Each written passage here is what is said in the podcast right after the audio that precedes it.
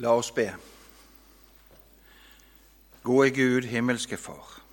Du ser vi har samlet en flokk her som gjerne vil møte deg og få se litt mer av deg og hvem du er. Se i nåde til oss, vær her ved din hellige ånd, og åpne våre kalde hjerter. Må det som jeg har forberedt her i dag, være etter din vilje, så jeg taler som ditt ord. Amen. Denne søndagens evangelietekst leser vi evangeliet etter Lukas i det 24. kapittel. Og Vi leser fra vers 45. Da åpnet han deres forstand, så de kunne forstå Skriftene. Og han sa til dem, slik står det skrevet, Messias skal lide og stå opp fra de døde tredje dag og i Hans navn skal omvendelse og tilgivelse for syndene forkynnes for alle folkeslag. Dere skal begynne i Jerusalem. Dere er vitner om dette. Dette var ordene, Hellige Far, hellige oss i sannheten. Ditt ord er sannhet. Amen. Vi har altså i dag treenighetssøndag. Og det er en særlig markering av dette faktum i den kristne tro at Gud er én og samtidig tre. Fader, Sønn og Den hellige ånd. Og Foran oss ligger en lang rekke med søndager i treenighetstiden. I år går den like frem til første søndag i advent. Det gjør den forresten hvert år, men det er altså 27 søndager i treenighetstiden i år. Så hva innebærer det at Gud er én og samtidig tre? Det var strid og uro om dette lære i den første, kirke, første kirkes tid, og vi kan vel godt si at det fortsatt er noe uro omkring denne lære, dette dogmet. Og Det var først på kirkemøtet i Nikea at det ble slått endelig fast av den kristne kirke. For da hadde Arianus og hans tilhengere, som begynte å bli en ganske stor bevegelse, de var foranledning til kirkemøtet, og de hadde et annet syn på Kristi natur enn det Kirken hadde, og man anså det som viktig at Kirkens lære ble endelig slått fast. Og I den itkenske trosbekjennelsen har vi dette, som sier dette om Jesus født, ikke skapt. Født, ikke skapt. Og med det får man frem at Jesus er ikke en skapning. Det vil si, han er fra evighet og til evighet. Kapittel 24 i Lukasevangeliet har en kjent beretning, nemlig den om Emmaus-vandrerne. Og Teksten vår i dag det er avslutning på denne beretning. To disipler er på vei til Emmaus, og så er Jesus der med dem og går sammen med dem. Først later det til at Jesus ikke vet helt hva som har skjedd i Jerusalem denne påsken, og disiplene synes dette er høyst merkelig. Du må være den eneste i Jerusalem som ikke vet hva som har skjedd, sier de. De er nedslått og fortvilet der de går, og dessuten ganske forvirret. For hva hadde skjedd? Jo, de trodde at han var den som skulle befri Israel. I våre eldre bibeloversettelser så står det 'forløse Israel', ikke 'befri'. Men det er vel i bunn og grunn et tysk ord for låsen som betyr nettopp å befri. Men så, sier de to disipler, ble han arrestert. Han ble dømt til døden og henrettet ved korsfestelse. Tanken om at jødenes Messias skulle være en politisk frigjører, hører vi i dette utsagnet. Han skulle befri oss fra okkupantene. De ventet seg en politisk leder, en hærfører, en slags geriljaleder, og så ikke at Jesus sonet deres synd og verdens synd, vår synd. Så var han altså ikke Messias, trodde de. En død Messias er en falsk Messias. Det er den jødiske tro, og det er vel for jøder også den dag i dag. En liten digresjon en hel del ultraortodokse jøder tror at rabbineren Menachem Mendel Schneerson, som døde i 94, ikke egentlig er død, men bare venter med å åpenbare seg for verden, og at det er han som er Messias. Og I Israel kan man se bilder av ham på busser og plakater mange steder. En liten digresjon, altså. Og så er de to på vei til Emmaus. Og nå har de hørt at graven er tom. Noen kvinner har sagt at Jesus er stått opp. Dette sier de altså til Jesus mens han går ved siden av dem. Kanskje er dette Messias allikevel. Om han døde, så lever han nå. Hva skal vi nå tro om hvem han er? Død og så levende igjen. Forvirret er de, og så legger de ut til Jesus selv om sin fortvilelse. Og så får vi et innblikk i Jesu sjelesorg til disse to. Han utlegger Skriftene for dem. Helt fra første Mosebok av utlegger han dette. Hvorfor Messias måtte lide og dø, for så å stå opp igjen. Mer enn én en troende har sagt som så at dette er en bibeltime vi gjerne skulle ha hørt. For her er det Skriften som taler ved sin opphavsmann Gud selv. Jesus sier ikke 'kjenn på sårene', 'se naglegapene', slik som Thomas fikk. Nei, deres øyne er lukket igjen, og de ser ikke hvem som går sammen med dem. Den nasjonal, nasjonalistiske Messias som skal kaste ut romerne, han er som en hærfører som leder sitt folk. I frigjøringskrig og opprør, og som med makt klarer å kaste ut okkupantene, så må han jo være i live. Han har ingen verdi som død. La oss her legge til dette at Den hellige skrift som disiplene og jødene hadde, var jo kun Det gamle testamentet. Ingen evangelietekster, ingen apostlenes gjerninger, ingen brever. Og Paulus, dvs. Si Saulus, var fortsatt på jakt etter kristne og fengslet de. Hvordan hadde vår tro sett ut om det var slik? Et umulig tankeeksperiment, selvfølgelig, men noe å grunne over når vi syns disiplene var sene til å tro. Kunne vi tenke oss at den kristne tro ville eksistert og vært her hos oss om ikke vi hadde Det nye testamentet? For de to som vandra med Jesus, var det i alle fall ikke enkelt, for som det står, deres øyne ble holdt lukket. De var forhindret fra å se, og denne forblindelsen var gitt av Gud, trolig med dette for øye, at de ikke skulle gjenkjenne Jesus med sitt syn og sine øyne, men nettopp ut ifra Skriftene. Jesus går til Ordet for å vise dem hvem han er. Og våre tanker går til de første versene i Johannesevangeliet. I begynnelsen var Ordet. Ordet ble kjød og tok bolig iblant oss. Jeg har fundert litt på dette. Hva får vi vite om Jesus, og hva han foretar seg mellom sin oppstandelse og sin himmelfart? Den vanlige oppfatning, sånn som det står i apostlenes gjerninger, er at dette er et tidsrom på 40 dager. Og så er det ti dager til til pinse, som jo betyr 50. Ser vi på evangeliene, så er det hos Matteus kapittel 28 kun dette. Jesus møter disiplene, mottar deres tilbedelse. Og i vers 16 og følgende så kommer misjonsbefalingen. Markus kapittel 16 forteller at disiplene må tåle refs fra Jesus da de ikke trodde dem som sa at han hadde stått opp. Lukas har beretningen om Emmausvandrerne i kapittel 24, og dessuten dette at de får ta på Jesus for å se at han er ikke en ånd, men han har kjøtt og ben. Og Johannes, eh, Johannes forteller oss om når Jesus møter disiplene ved Genesaretsjøen og spiser sammen med dem der, og Peter og tre ganger svare på dette om han elsker Frelseren.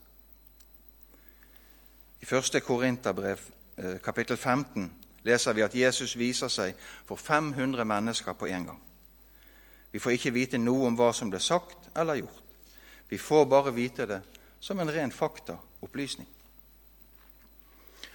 Og For min del så er jeg kommet til denne konklusjonen at det gir Bibelens beretning om oppstandelsen stor troverdighet.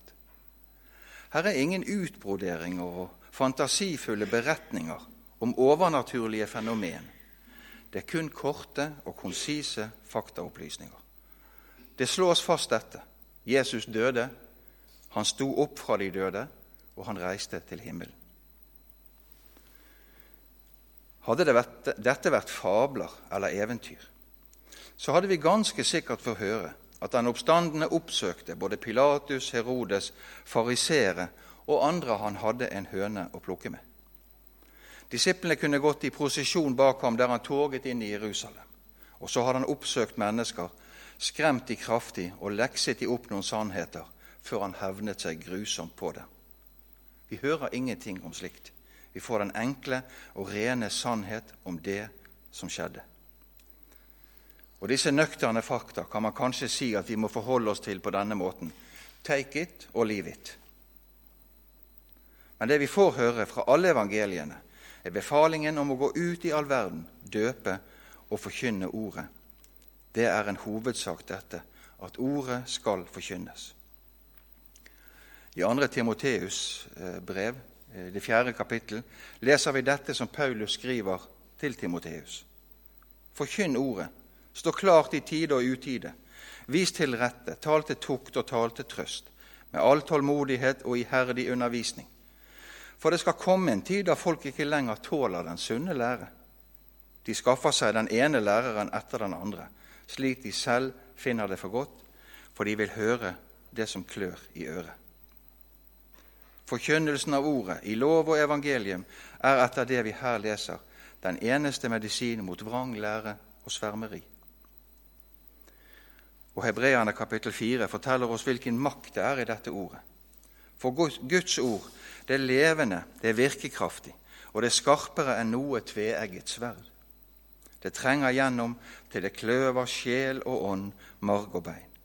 Det dømmer hjertets tanker og planer. Ingen skapning er skjult for ham. Alt ligger åpent og naken for øynene på ham, som vi skal stå til regnskap for. Ordet dømmer hjertets tanker og planer og setter altså mennesket i den posisjon at det eneste man kan si, er nådige Gud, ha barmhjertighet med meg. Og her er det den tredje personen i treenigheten. Den hellige ånd har sin oppgave. Han peker på synden slik at mennesket ser at det er aldeles fortapt. Syndenøden kan bli enten til selvrettferdighet eller til frelse. Gamle Adam sier at 'nei, jeg er da slett ikke så verst'. Jeg er nå ikke verre enn andre, i alle fall. Dessuten så gjør jeg så godt jeg kan. Det kan nå ikke være så galt, det. Om Gud, om Gud krever mer, får det bare være. Men om Ånden slipper til i hjertet og får peke på den korsfestede frelser, så kan det nye mennesket komme frem til denne bekjennelse. Takk, Jesus. Takk, Jesus. Takk at du var villig til å ta den straffen som jeg skulle ha. Ånden peker nemlig på Jesus og trekker ingen oppmerksomhet til seg selv. I våre dager er det ofte sagt slik at vi finner lite eller ingenting av verdi i Det gamle testamentet. Der er Gud hard og hevnsyk, sies det. Men nå har vi Jesus, og vi kan godt glemme Det gamle testamentet, da det manglet mye, ja, det manglet i alle fall kjærlighet. Men Jesus bruker altså Det gamle testamentet for å forklare disiplene hva som skjedde med ham, og hvorfor det skjedde. Så uforstandige dere er, sier han, og så trege til å tro alt det profetene har sagt. Måtte ikke Messias lide dette, og så gå inn til sin herlighet? Det er altså GT, Moses, profetene, salmene, som er selve grunnlaget for alt dette som skjer i påsken. Det er forutsatt, og det er profetert, og nå er det oppfylt. Så hvilke skriftsteder kan man se for seg at Jesus har delt med disiplene? Det har vært mange tanker og teologiske utgreiinger omkring dette. La oss se på noen av de som det kan ha vært. I Første Mosebok kapittel 3 leser vi Gud sier til slangen, som har lokket mennesket til fall og synden er kommet inn i verden, at jeg vil sette fiendskap mellom deg og kvinnen, mellom din ett og hennes ett. Den skal ramme ditt hode, men du skal ramme dens hæl. Den korsfestede får sin hæl gjennomboret ved korsfestelsen. Det kan man se på Jerusalem museum, der man i arkeologiske utgravninger har funnet nettopp helbein med nagle i. Og I dette løftet tales det om at en kvinne skal bli med barn som ikke er unnfanget ved en mann. Denne nye slekten skal knuse slangens hode. Det betyr at denne person Jesus, den andre Adam, skal gjenopprette hva syndefallet ødela. I 4. Mosebok kapittel 21 leser vi om at folket de knurrer mot Moses. De var utålmodige. De ville ha noe annet. Noe annet å spise, noe annet å drikke. Veien var støvete og lang, og så klaget de. Førte det oss ut i ørkenen for at vi skulle dø her? Vi er så inderlig lei av denne usle maten, som jo var manna fra himmelen. Utålmodige, utakknemlige er de, og så rammer Guds straff dem. Slanger sendes inn blant dem, biter folket, og mange dør. Og så lager Moses kobberslangen som skal heises på en stang, og de som ser på den, får leve. Forbildet er tydelig for oss som ser bakover til dette. Et hjertets blikk på den korsfestede frelser, og mennesket går fra døden til livet. Jonah i hvalfiskens bu kan godt ha vært utlagt av Jesus for dem. Beretningen om denne Jonah som ble slukt av en stor fisk, har av mange blitt avfeid som tull. Ingen kan overleve noe slikt. Men Jesus bruker nettopp denne beretningen om Jonah som et forbilde på hva som skal skje med han. I Matteus 12. kapittel leser vi for slik profeten Jonah var i buken på den store fisken i tre dager og tre netter, slik skal menneskesønnen være i jordens dyp i tre dager og tre netter. Når Jesus bruker dette eksempelet og sier dette, kan vi trygt tro denne beretningen slik den står skrevet. Hos profeten Amos, Amos har vi profetien om hvordan Gud gjenreiser Davids falne hytte. Og I apostelgjerningene 15 leser vi at dette skjer ved at ordet om Jesus Kristus går ut til hedningene. Vi har det kjente verset i Jesaja 7, 14. Der står det, i hvert fall i de eldre oversettelser, Se, jomfruen skal bli med barn, og han skal kalles Immanuel. Immanuel som betyr 'med oss er Gud'. En tydelig og en klar profeti om Jesus. Hans unnfangelse ved Den hellige hånd den hellige ånd og hans oppdrag. Gud er kommet til menneskene. Og I Jesaja kapittel 53, hvor Jesu lidelse er beskrevet inngående og nøyaktig. Og så Salme 22. Jeg har lyst til å lese hele salmen, for vi vet at dette er ordet Jesus sier på korset. Kanskje sa han bare de første ordene. Kanskje sa han ut hele salmen. Det vet vi ikke. Den lyder slik.: Min Gud, min Gud, hvorfor har du forlatt meg? Hvorfor er du så langt borte når jeg trenger hjelp og skriker ut min nød? Min Gud, jeg roper om dagen, men du svarer ikke. Jeg roper om natten, jeg får ingen ro. Men du er den hellige som troner over Israels lovsang. Til deg satte fedrene sin lit. De stolte på deg, og du fridde dem ut. De ropte til deg og ble reddet. De stolte på deg og ble ikke til skamme. Men jeg er en mark og ikke en mann, spottet av mennesker, foraktet av folk. Alle som ser meg, de håner meg, de vrenger leppene og rister på hodet.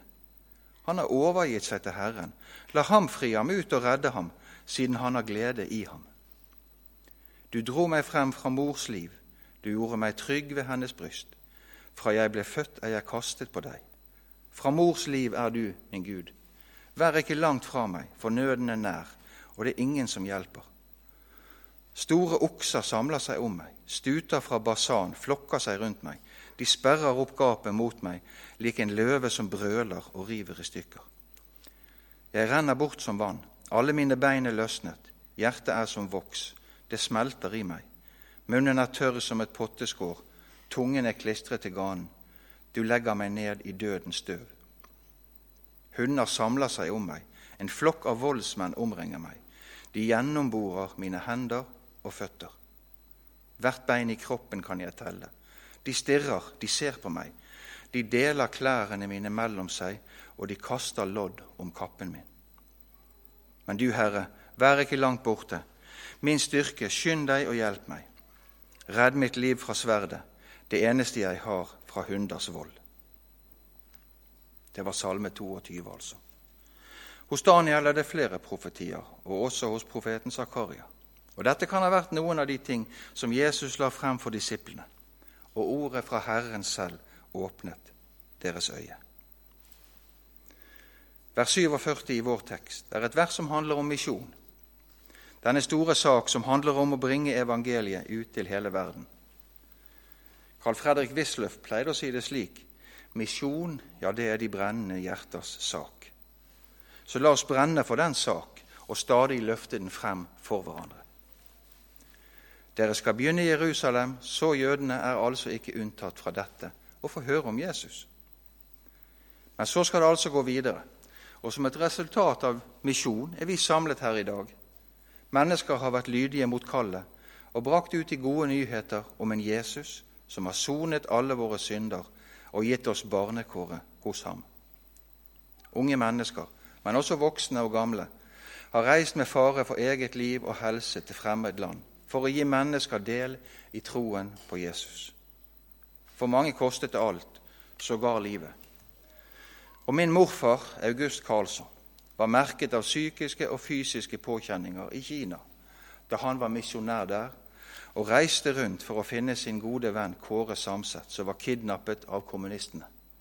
Samset ble aldri funnet. Men det verdensvide arbeidet går sin gang, og for hver dag som går, er vi en dag nærmere at folkeslagene har fått høre evangeliet, og Jesus kan komme tilbake. Misjon er en sak som må ligge på våre hjerter, og som vi stadig må minne hverandre om.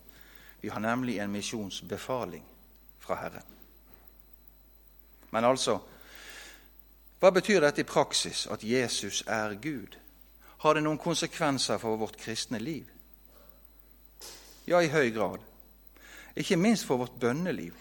For det er jo viktig at våre bønner går til Gud. Kun Han er den vi skal be til, vil Si tilbe. Vi skal ikke be til mennesker, verken Maria eller helgener, bare til Gud. Og Derfor kan vi med frimodighet be til Gud, den allmektige, og altså til Jesus. Og Jeg synes liksom det mest fortrolige bønneliv og de mest inderlige bønner har jeg når jeg begynner med Kjære Jesus. Da blir det liksom en fortrolig og nær kontakt med Frelseren. Så kan man si, slik noen gjør, at treenigheten står der ikke i Bibelen. Vel, ordet treenighet står ikke der. Det er så. Men spørsmålet må jo være om saken er der. Om læren om treenighet finnes i Bibelen. Og det må vi svare et klart og tydelig ja på. La oss f.eks. se Thomas som sier dette til Jesus, 'Min Herre og min Gud'. Klart og tydelig. Tok Thomas feil da han sa dette? Nei, for Jesus retter ikke på ham. Tvert imot tar han imot tilbedelsen og bekrefter med dette utsagnet fra Thomas. Jesus sier med dette, 'Du har rett, Thomas. Jeg er Gud, og salig er det de som tror det, uten å se meg slik du nå gjør.' Om man nå ikke vil akseptere dette, at Jesus er Gud, kan man da bare lese Bibelen og komme til den konklusjon at Jesus er ikke Gud, og at det ikke finnes noen treenighet? Min påstand er at det er helt umulig. Skal man komme til en slik konklusjon, må flere skriftsteder forandres og rett ut sagt forfalskes. Matteus 28, vers 9 har vi et litt underlig ord. Jesus møter disiplene etter oppstandelsen, og så står det de, altså disiplene, gikk frem og omfavnet føttene hans og tilba ham. Omfavnet føttene hans og tilba ham. Kan vi se det for oss? Hvordan omfavner man føtter? Man må da jo faktisk ligge på bakken. Og med dette ser vi, deres ut, ser vi deres kroppslige uttrykk for tilbedelsen. Man ligger foran Herren Jesus, tilber ham og Jesus tar imot også denne tilbedelse. Han sier ikke slik som Paulus gjør i apostelgjerningene kapittel 14, når folkemengden vil tilbe ham og Barnabas som om de er guder. Hva er det dere finner på, sier Paulus. Vi er jo alminnelige mennesker akkurat som dere. Og så stopper han dem fra å tilbe og ofre til dem. Jeg har lyst til å ta med dette, at det er en stor og mektig organisasjon som heter Vakttårnselskapet, også kalt Jehovas vitner. Dere kjenner sikkert til de, mange av dere. De har laget en egen bibeloversettelse for å få frem sitt syn på Gud. Det kan ikke kalles en oversettelse. Det er kun en bok laget med ett mål for øye å få frem selskapets påstand om at Jesus ikke er Gud. Og Dermed har de endret, slettet og forfalsket alle skriftsteder der Jesus omtales som Gud. Vær klar over dette om de kommer på din dør. Dette verset som vi siterte, f.eks., der de har sitert eh, Nei, der de har byttet ut dette med 'tilbe' og satt inn 'bøyde seg ærbødig for'. Men det hele blir en komisk og gymnastisk øvelse, og man ser for seg at man bøyer seg ærbødig for et menneske og samtidig omfavner føttene hans. Så la nå bare dette være nevnt. Om et Jehovas vitne kommer på din dør, avvis vedkommende på en fin måte, men la det ikke lese fra sin bibel, som slettens ikke er Guds ord. Nei, Vi kan trygt slå fast at Gud er treenig, og denne treenighet består av tre personer. Den hellige ånd, som kan kjenne sorg, og er ikke en upersonlig kraft som utgår fra Gud, men en person. Han kjenner sorg, og det kan bare personer gjøre. Så er vår tro og vår bekjennelse dette, at Jesus har gitt Gud det fullkomne offer ved sin død på korset. Dette var nødvendig, men òg fullkomment nok for at vi skulle få del i frelsen. Han har gitt oss alt. Intet kan legges til eller trekkes fra. Vår frelse er betalt av Gud selv ved Jesu dyrebare blod. Dette skal vi få tro og bekjenne. Denne tro som bare er to tomme hender som strekkes mot Jesus og sier, Se i nåde til meg, arme, syndige menneske. Det holder i liv og i død, for den rettes mot den ene sanne Gud, Jesus Kristus. Amen.